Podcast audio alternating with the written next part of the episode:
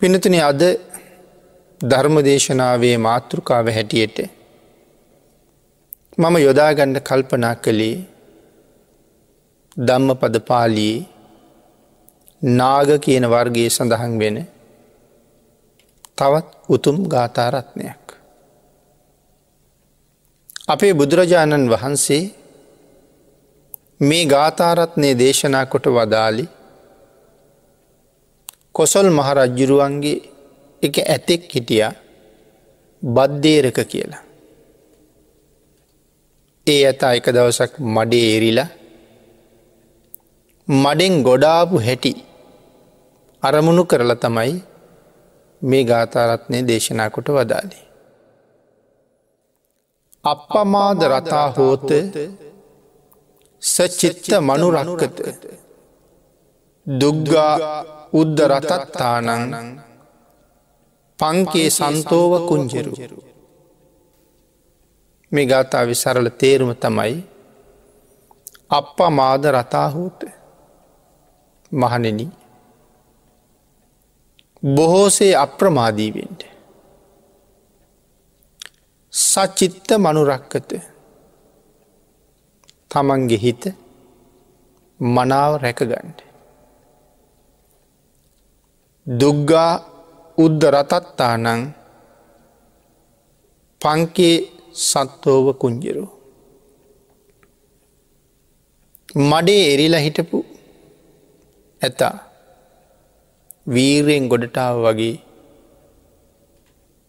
කෙලෙස් මඩේ එරිලා ඉන්න ඔබලත් වහ වහ එයින් ගොඩෙන්ට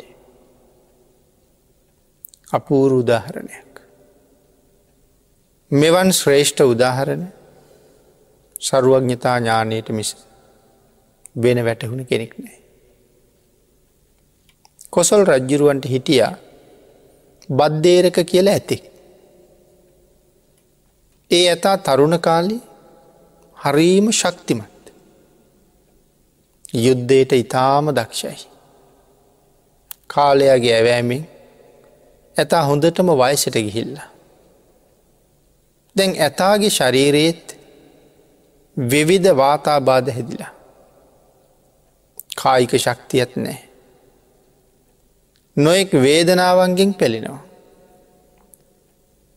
එක දවසක් ඇවිදගෙන යනකොට ඇතා විලකට බැස්සට ඇතාට ගොඩ වෙන්න බෑ. මඩේ එරුණ ගොඩට එන්ඩ ශක්තිය නෑ. මිනිස්සු ඒක දැකලා මිනිස්සු ඒ ගැන කතා කරන්න පටන්ගත්තා අනියේ මේ ඇත් රාජයා තරුණ කාලි කොයි තරං ශක්තිමත්ද. නමුත් අද විලට බැහැල ආපව් ගොඩ එන්නවත් බෑ. මේ ශක්තිවන්තයටත් මෙහෙම උනානය කියලා මිනිසු කතා කරනවා. එක කොසල් රජ්ජුරුවන්ට ආරංචිුණ. රජ්ජුරු ඇත් ආචාරිවරු කැඳවලා සඳහන් කලා වහා මැතා මඩින් ගොඩ ගණඩ කියලා. එතකොට මේ හස්ති ආචාරිවරු ඇතා ගොඩගණ්ඩ අපූරු උපායක් පාවිච්චි කළා. තැන් එරිච්ච ඇතා බලන්ඩ සෑහෙන පිරිසක් ඇවිල්ලා. අර හස්ති ආචාරිවරය මේ පිරිසට කතා කරලා කියනවා. ඕගොල්ලු දෙකොටසකට බෙදෙන්ට. බෙදිල දෙපැත්තේ ඉඳලා යුද්ධකට ආපු අය වගේ සැරසෙන්ට. යුද බෙර වාදනය කරන්න කියලා බෙරවාදකයන්ට සඳහන් කළා. දැම් පිරිස දෙපැත්තකට බෙදිලා යුද්ධකට ඇවිල්ල ගහ මරාගණ්ඩ. යුද්ධ පටන්ගණ්ඩ තැන් යුද බෙරවයනවා. මේ ඇතාට යුද පිටිය හොඳට හුරුයි. යුද බෙර හඬ මේ කනට හොඳට හුරුයි. දැන් යුද බෙර හඬ ඇහෙනකොට මෙය නැගිට්ටා. නැගිටලා වීර්ය යොදලා මානයෙන් යුක්තව එක පාරම ගොඩටාව. මමත් යුද්ධ කරන්න එනවා වගේ. ඒක තමයි අර හස්ති ආචාරවරය පාවිච්චි කරපු උපක්‍රමය. ඒක භික්‍ෂූන් වහන්සේලත් දැක්කා. දැකලා ඔය කාරණාව භාගිතුන් වහසට මතක් කළා. ස්වාමීණි ඇතා ගොඩගත්තේ මෙන්න මෙහෙමයි කියලා. අං ඒ කාරණාව අරමුණු කරලා තමයි මේ ගාථාරත්නය දේශනා කළේ මහනෙන ඔහුනං පියවි මඩෙන් ගොඩටාව. නමුත් ඔබලාත් ඒ වගේම කෙලෙස් මඩින් ගොඩ යන්න කියලා. ඒ වෙනුවෙන් තමයි මේ ගාථාරත්නය දේශන කළේ. අප මාද රතා හෝත අප්‍රමාදීවෙන්ඩ කියලකිවා. හැම වෙලායම අප්‍රමාදී බවින් යුක්ත වෙන්ඩ. කුමක් උදෙසාද කුසල් වැඩීම උදෙසා අප්‍රමාදී වෙන්ඩ. මොනම හේතුවක් නිසාවත් ලැබුණ ජීවිතය ප්‍රමාදී ජීවිතයක් බවට පත් කරන්න එපා. මොකද පිඩතන ප්‍රමාද වෙලා අපිට ගෙවන්න කාලයක් නැතිහින්දා. අපි කවුරුවත් දන්නේ තව සතියක් අපි ජීවත්වෙනවා කියලා. අපි කවුරුවත් දන්නේ තව අවුරුදු ගානක් අපි ජීවත්වෙනවා කියලා. අද බණහන්ඩ අපි ආව මේ පින්නතුන් දන්නේ නෑ උදේට අනුභව කළේ ජීවිතය අන්තිම කෑම වෙලද කියලා. අපි දවල්ට කෑම කනවා කියලා තීරණයක් හරියටම හරියටම නෑ. එහෙමනම් ජීවිතයෙන් වහවහා රැස් කරන්න තියෙන්නේ කුසල්. මනුස්ස ජීවිතයක් හරීම ශ්‍රේෂ්ඨයි. ඒ මනුස්ස ජීවිතය හරි උත්තර ඉතරයි. ඒ අතර සම්මාධිට්ටික මනුස්ස ජීවිතයක් ලබාගත් එක අනික් මනුස්ස ජීවිතවලට වඩත් තවත් උත්තරීතරයි. අපි සංසාරය බොහෝම පින් කරපු අය. ඒකන මනුස්ස ජීවිතයක් ලැබුණි පින් නොකලන අපිටත් සතරපා ඉඩක් වෙන් වෙලාම තියෙනවා. නමුත් ඒ ඉඩ පූරණය කරන්න නැතුව සුගතිය පූරණය කරන්න මෙහෙයාවි පෙරපින් කරලා තිබුණ නිසා. නමුත් බුද්ධාන්තරයක සම්මාධිට්ටික මනුස්ස ජීවිතයක් වෙනුවෙන් කරගත්ත පින් බොහෝසේ වියදන් කරලා යවිල්ලතින්. පෙරපින් වියදන් කරලා මෙහයවිල්ල මේ කරන්නෙත් පෙරපින්ම බුක්ති විඳින එක. අඩු නතුව ලැබෙන ආහාරපාන පෙරපින් නිසා. අඳින්ට ලැබෙන විවිධ සැප පහසුව තියෙන හොඳ වස්ත්‍ර පෙරපින් නිසා. ලැබුවනං යම් රූප සම්පත්තියක් පෙරපින් නිසා. විඳිනවනං යම් නිරෝගි බවක් පෙරපින් නිසා. එන මේ බුක්ති විඳගෙන යන්න මොනවද ඒත් අපි පෙර රැස් කරගත්ත පිනමයි. එනම් ජීවිතය ලබන්ඩත් වියදන් කලා දැන් ඒ ජීවිතය පවත්තගෙන යන්ටත් පෙරපින් වේදන් කරනවා. කෙනෙකුට හම්බ වනානං හොඳ රැකියාව ඒත් පෙරපින් නිසා. කෙනෙකුට ලැබුණනං හොඳට ඉගෙනගණ්ඩ ඒත් පෙරපින් නිසා. එහනම් දැන් පෙර පිනද බොහෝසේ වියදන් කෙරෙනවා. දැන් අපි හම්බ කරලා තියපු දෙයක් තමයි මේ බුක්ති විඳින්නේ. කෙනෙක් කාලයක් තිස්සේ මුදල් හම්බ කරලා ඊළඟට මුදල් හම්බ නොකර හම්බ කරපු මුදලින් ජීවත්වෙනවා. හැබැයි බැංකුවට ගිහිල්ල මුදල් ගණ්ඩ ගන්න ඒක මුදල් ඉවර වෙනව මිසක් ආය පිරෙන දවසක් නෑ. එනම් අපිත් පෙරකරපු පින් බුක්ති විඳින්ට විඳින්ට ඉවර වෙනවා මිසක් පිරෙන දවසක් නෑ. එනම් බුක්ති විඳින ගමන් ආපහු එක පුරවණ්ඩත් ඕනේ. මොකද අපි කාගවත් බලාපොරොත්තුවක් නෑ මෙහෙන් ජීවිතෙන් සමුගන්නකොට මීට වඩා පල්ල හැතැනකට යන්ට. අපි හැමෝගෙම පරමාර්ථය මීට වඩා ඉහළ තැනකට යන්ට. හැබැයි පෙර පින් බොහෝ තියෙනවා කියල කීවත් පිනතින අපි මෙහෙට ආවෙත් සමහර විට මීට වඩා ඉහළ තැනක ඉඳලා. වැඩිමනක් එහෙමයි. පහල ඉඳලත් එනවා. නමුත් ඊට වඩා ඉහල්ල ඉඳලා ආව කියන්න සාධක තමයි තියෙන්. බ්‍රහ්මලෝකෝලත් අපි ඕන තරන් හිටිය. මහා කල්ප ගණන් ආයුෂ විඳලත් තියෙනවා. දිවිය ලෝකවලත් අපි ඕන තරන් කල් ඉඳල තියෙනවා. බඹලෝ ඉන්ඩ තරන් හේතු සම්පත් නැති වුණාට පස්සේ අපි දිවිය ලෝකට ඇවිල්ල තියෙන්නේ. ඉතා විශාල වශයෙන් මුදල් වියදන් කරලා සැප පහසුවට ආහාර අනුභව කරන්න යන්න තියෙන ආපන ශාලාවකට යන්ට තරන් ලොකුවත්කමක් නැති නිසා අපි සාමාන්‍ය තැනකට ගිල්ල ආහාර ගන්න. හැබැයි සමහරයට මතකයි කලින් මම ඔය තැන්වලත් හිටිය කියලා. නමුත් දැන් එහි අන්ට තරං ශක්තිය ශක්තිය නෑ. දැම් පල්ල හැතැනක. තවටිකක් කල්යනකොට සමහලාට ඊටත් පල්ල හැටෙනවා. ඒවාගේ බඹලෝ ඉඳලා අපි බඹලොව ඉන්ඩ තරන් කුසල ශක්තිය මදිහින්ද දෙව්ලොවටාව. ඉහළම දිව්‍ය තලේ ඉඳලා එතනින් පල් හැට එතනින් පල් හැට එතනින් පල් හැටාව. අන්තිවට පල්ල හැම දිව්‍ය තලයක ඉන්ඩ තරනුත් හම්බ කරපු පින් මදි නිසා තමයි මෙහවිල්ලතිය. එතකොට ඉහල ඉඳලා බැහැගෙන බැහැගෙන තමයි ඇවිල්ලතියන්නේ. මෙතනින්දල ආපහු ඉහලට යන්ඩත් පුළුවන් කැමතිනං ආපු පාරයෙන් පල්ල හැට බහින්ඩත් පුළුවන්. නමුත් මෙතන නතර වෙච්ච අපි තමයි තීරණය කරන්නනි කොහාටද යන්නේ. පල්ල හැතියෙනවා සතරාපාය. මෙතනින් පල්ල හැට යොදුන් පාලොස් දහක් යටින් පළවෙනි නිරේ හම්බ වෙන. හැබැයි ආපහ උඩට යන්ඩ හිතුව යොදුන් හතලිස් දෙදාහක් උඩින් චාතුම් මහරාජිකය තියෙනවා. එන පහලට බහිනවට වඩා අමාරු ඉහලට යනෙක්. දෙගුණේකටත් වඩා ඇතයි ඉහලට. නමුත් ඉතින් අපි තමයි තීරණය කරන්න ඕනේ.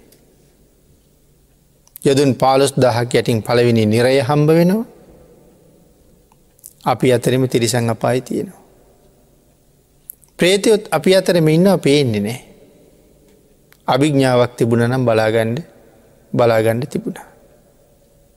දිවැස්ලාබියෙක් වුණානං බලාගණ්ඩ තිබුණා. ඇැබයි සාමාන්‍ය දිවැස්ලාබියෙක් වෙලා නං බැහැ හොඳට ඕනම දෙයක් දරන්න පුළුව මට්ටමකට එන්ඩුවනේ. ඇයි එහෙම නැත්තං සමහර අමනුෂ්‍යයෙක් දැක්කහම අවුරුදු ගානකට බයවෙන. ඒ තරම් භයානක රූපතියෙන්නේ. ඒ තරම් විරූපී රූපතියෙන්නේ. එහෙම බැලුවොත් අරමුණු කරලා බලපු බලපු හැම්මත් තැනම දකින්නේ එහෙම අමනුෂ්‍යයෝ. ඒ තරන් මේ සංසාරි හරි හරි කටුකයි. නමුත් අපි ඉන්නවා බොහොම ඉහල තැනක. සුගතියක මේ ඉන්නේ.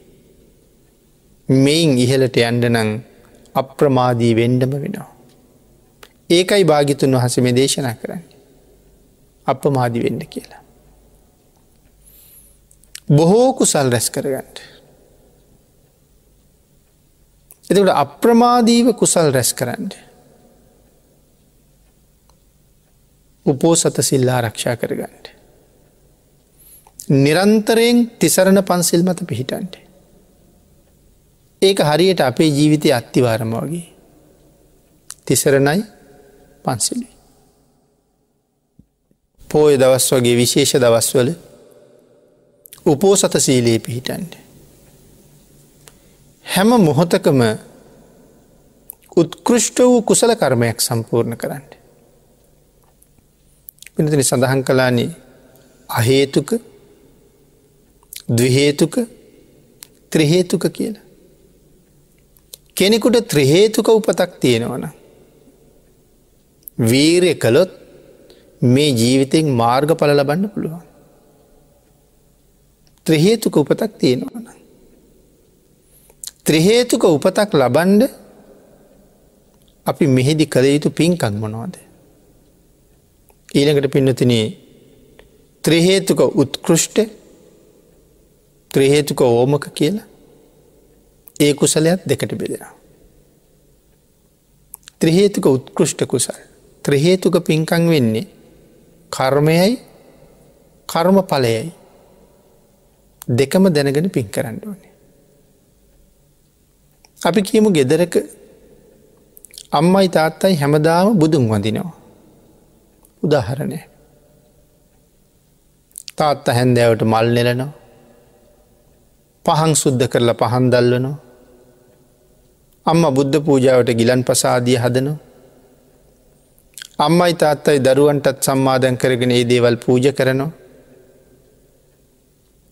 යම් දවසක තාත්ත මල්වට්ටියක් නෙලාගෙන ඇවිල්ල.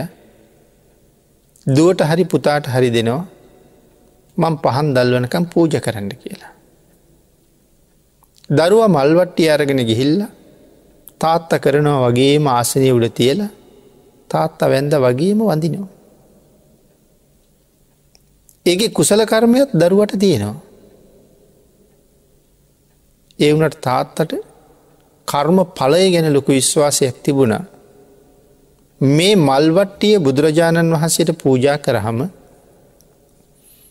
මට හම්බ වෙන්නේ කොයිවාගේ කුසලයක්ද සංසාරයට මට එකින් හම්බෙන ප්‍රයෝජනය මොකක්ද කියලා. ඒ වුණට දරුව ඒක දන්නේ නෑ. දරුව කළේ තාත්ත දුන්න මල්වට්ටිය පූජ කලා කර්මය කළා නමුත් පලය දන්නේ නෑ. තාත්ත කර්මයයි පලයයි දෙකම දන්නවා. ඒ නිසා තාත්තගේ කුසලය ත්‍රහේතුක කුසලයක් බවට පත්වෙන්ට හේතුවෙනවා. දරුවට ඒක දහේතුකයි ඇයි දරුව දන්නේ නෑ එකෙන් ලැබෙන පලයමකක්ද කියලා. ඉතාම සුවඳ මල් පූජ කරහම ප්‍රඥ්ඥාව හම්බ වෙනවා ප්‍රාර්ථනා කරහම. සුවඳ පූජාව ප්‍රඥ්ඥාව ලබන්ඩයි හේතුවේ. එතකොට එතන තව වර්ණවර්ණ මල් තියෙන්ට පුළුවන්. ඉට පස වර්ණ සම්පත්තිය ප්‍රාර්ථනා කරන්නත් පුළුවන්.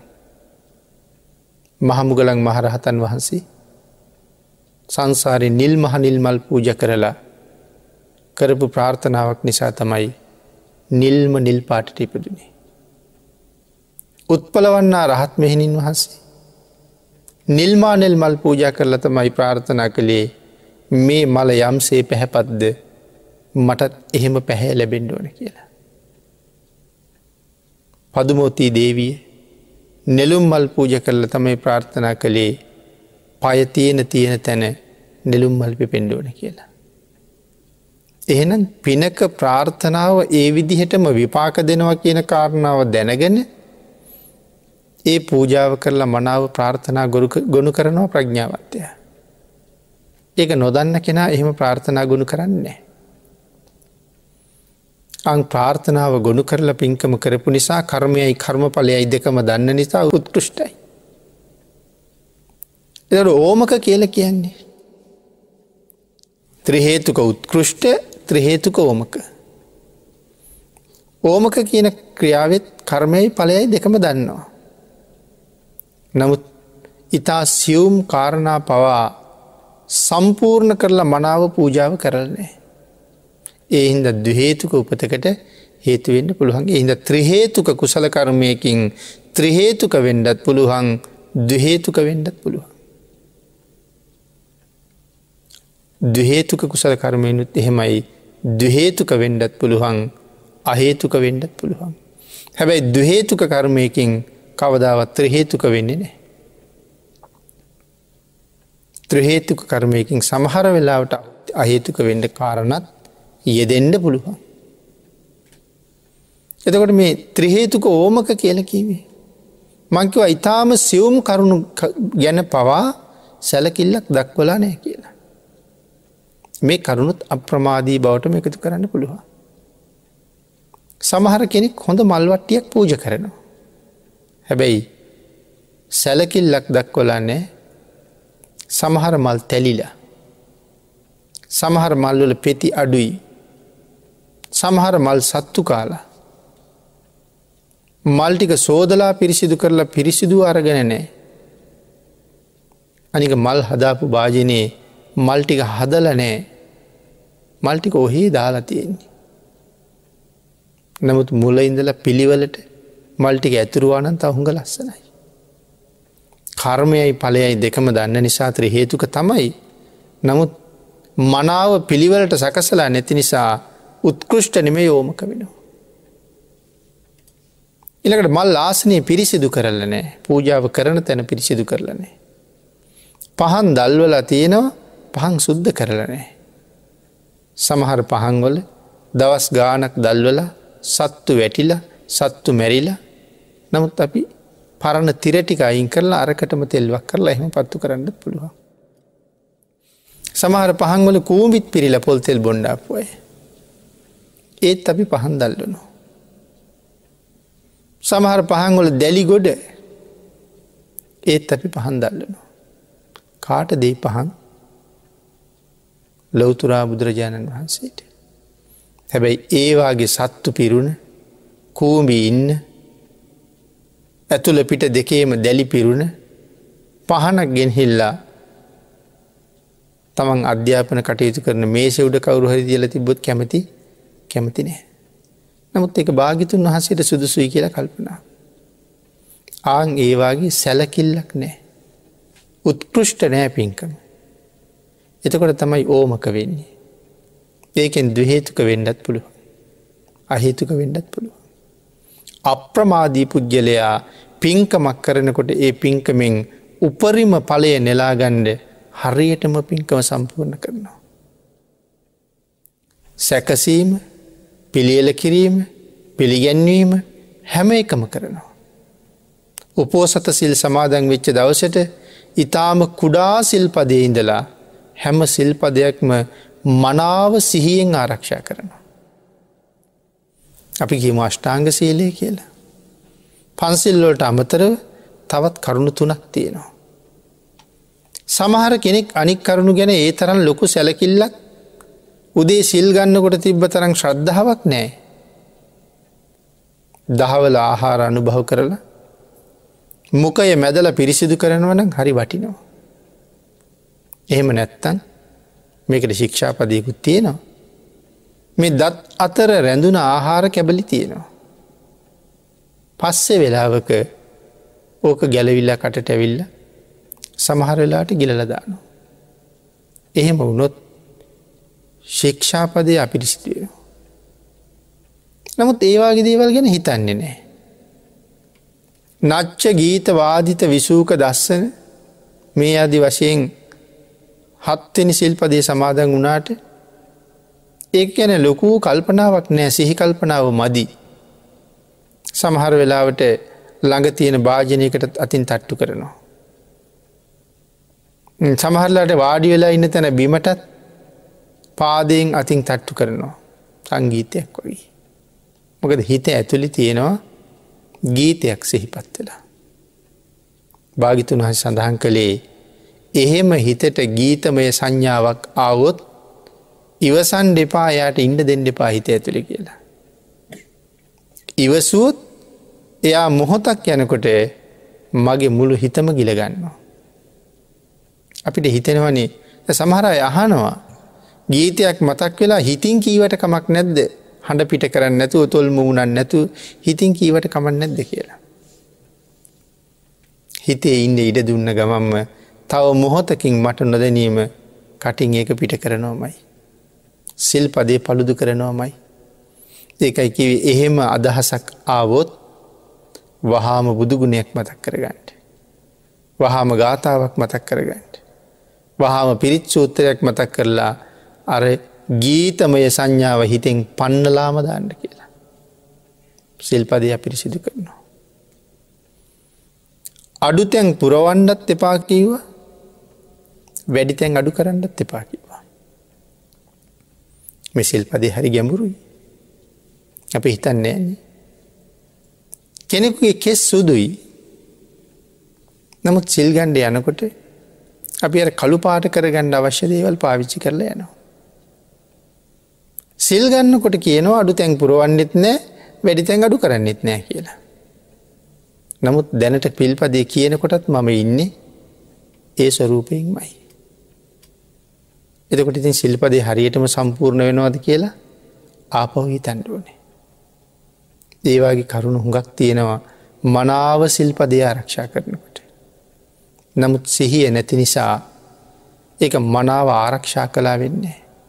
අප්‍රමාදී පුද්ගලයා එක දවසක් නමුත් රැකගන්න සීලය ඉතාම උත්කෘෂ්ට විදිහට ආරක්ෂා කරනවා.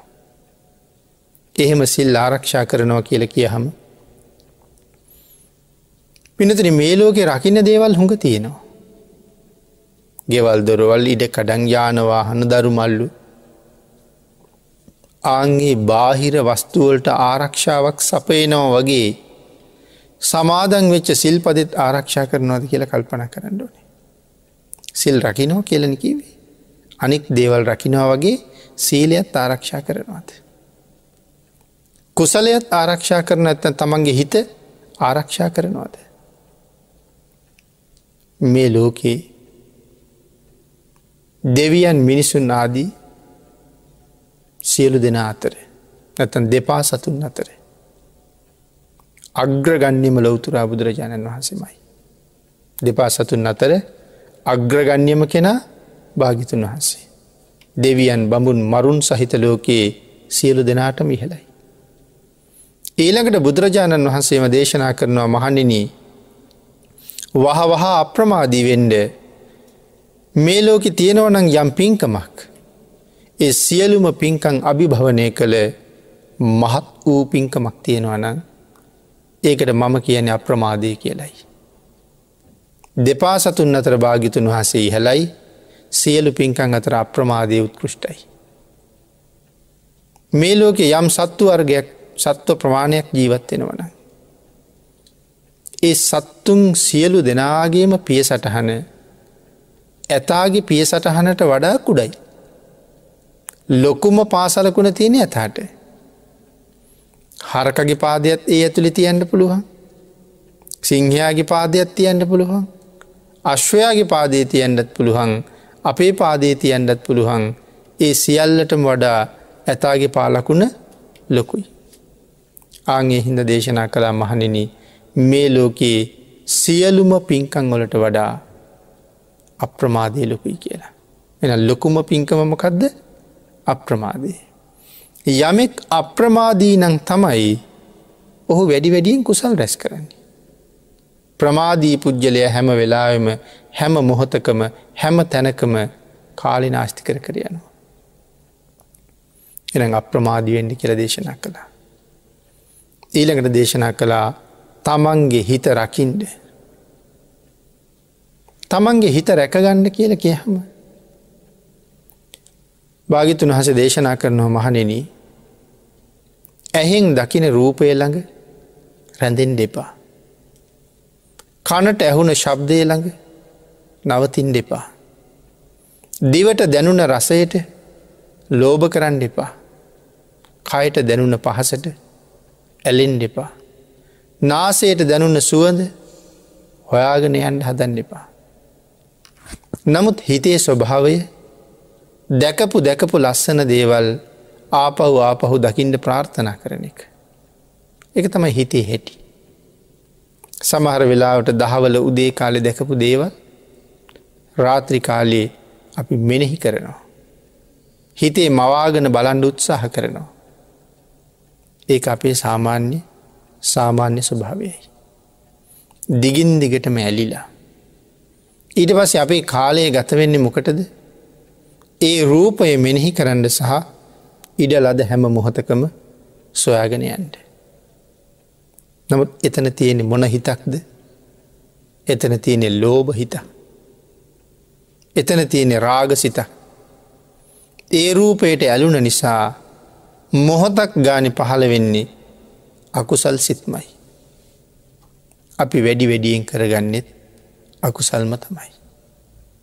දවසට පෑ විසි හතරක් තිබුණට පැයක් දෙකක් බණ ඇහුවට ඉතුරු පෑ විසිතුනක් විසි දෙක මේ මුළු කාලයේම වැඩියෙන් මොනවද රැස්වෙන් ලෝබය තියනවා දේශය තියනවා මෝහය තියනවා රාගය තියනවා අකුසල්ම තමයි රැස්ව. එන දවස වැඩියම්ම හොයලා තියෙන්නේ අකුසල්. එතකොට දවසකට එච්චර අපි කියම දවසකට පැවිස්සක් මෙහෙම නිස්කාරණය ගතවෙච්ච කාලේ රැස්වනය අකුසල් පෑ හතරක් පින් කරලා තියෙනවා.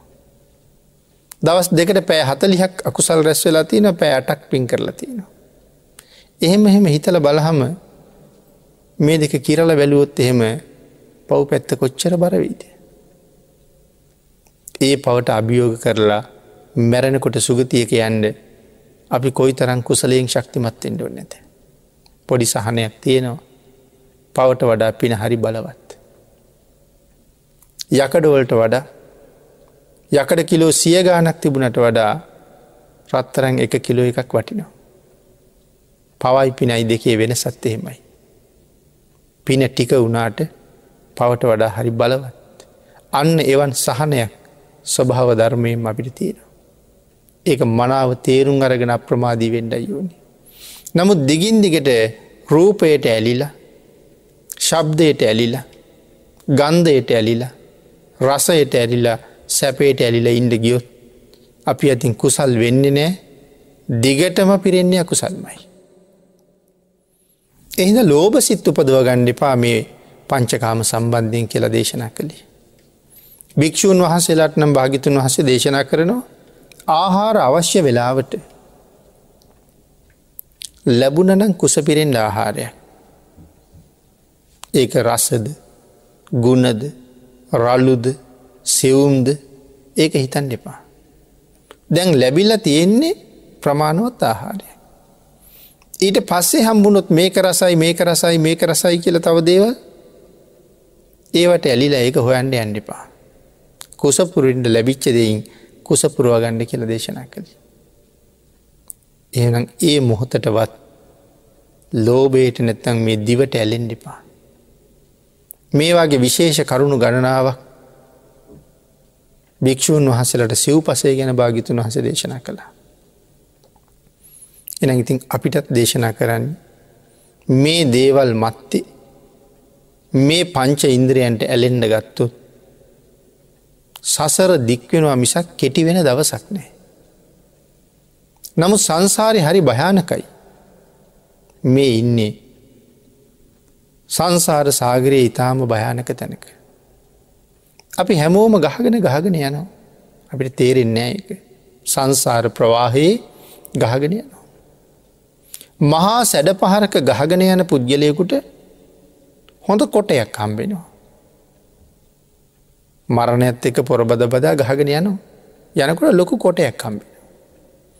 දැන්යා කොටේට ගොඩ වෙලා වාඩියනවා දැන්යා බයනෑ. කොච්චර වතුරාවත් එයා ඉන්න කොටිය උඩේ. හැබැයි වීරය වඩන බවක් නෑ. එයා හොඳයි හොඳයි කියල කොටේ උඩ ඉන්නවා.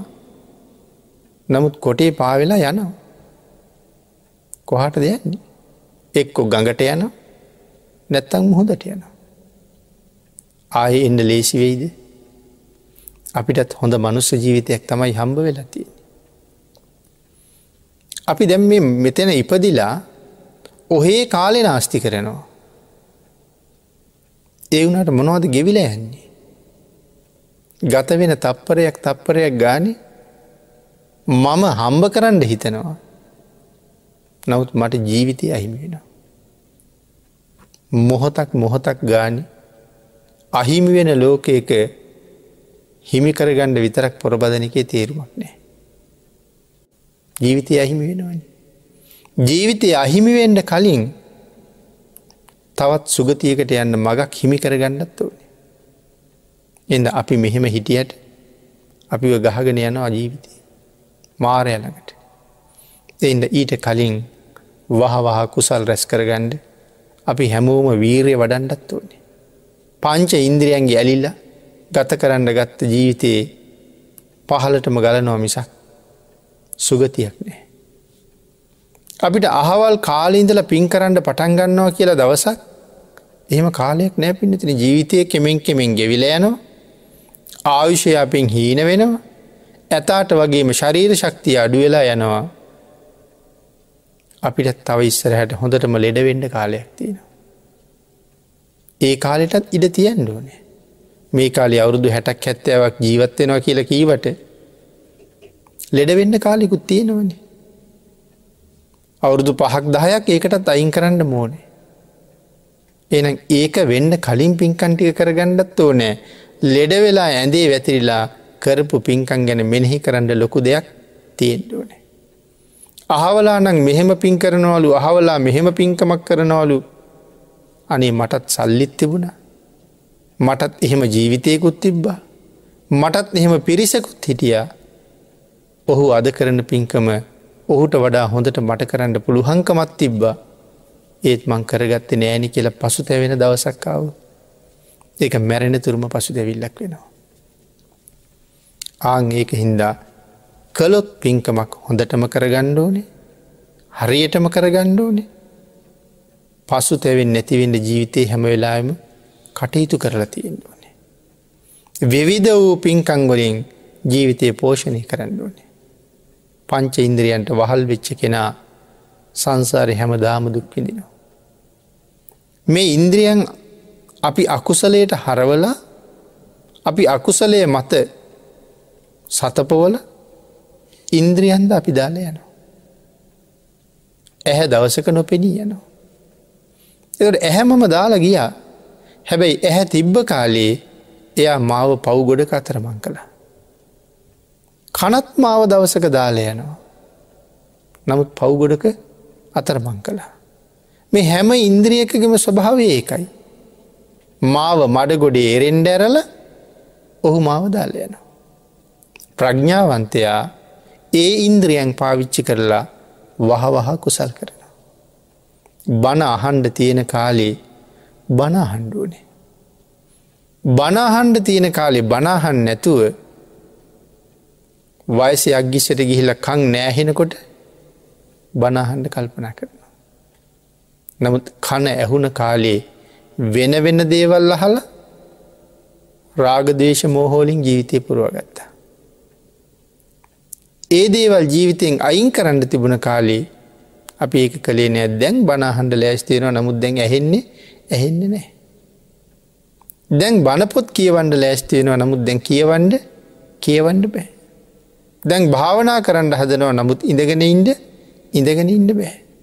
දැන් සක්මන් කරන්න කල්පනා කරනවා නමුත් ඇවිදින්ඩ ඇවිදින්ඩ බෑ.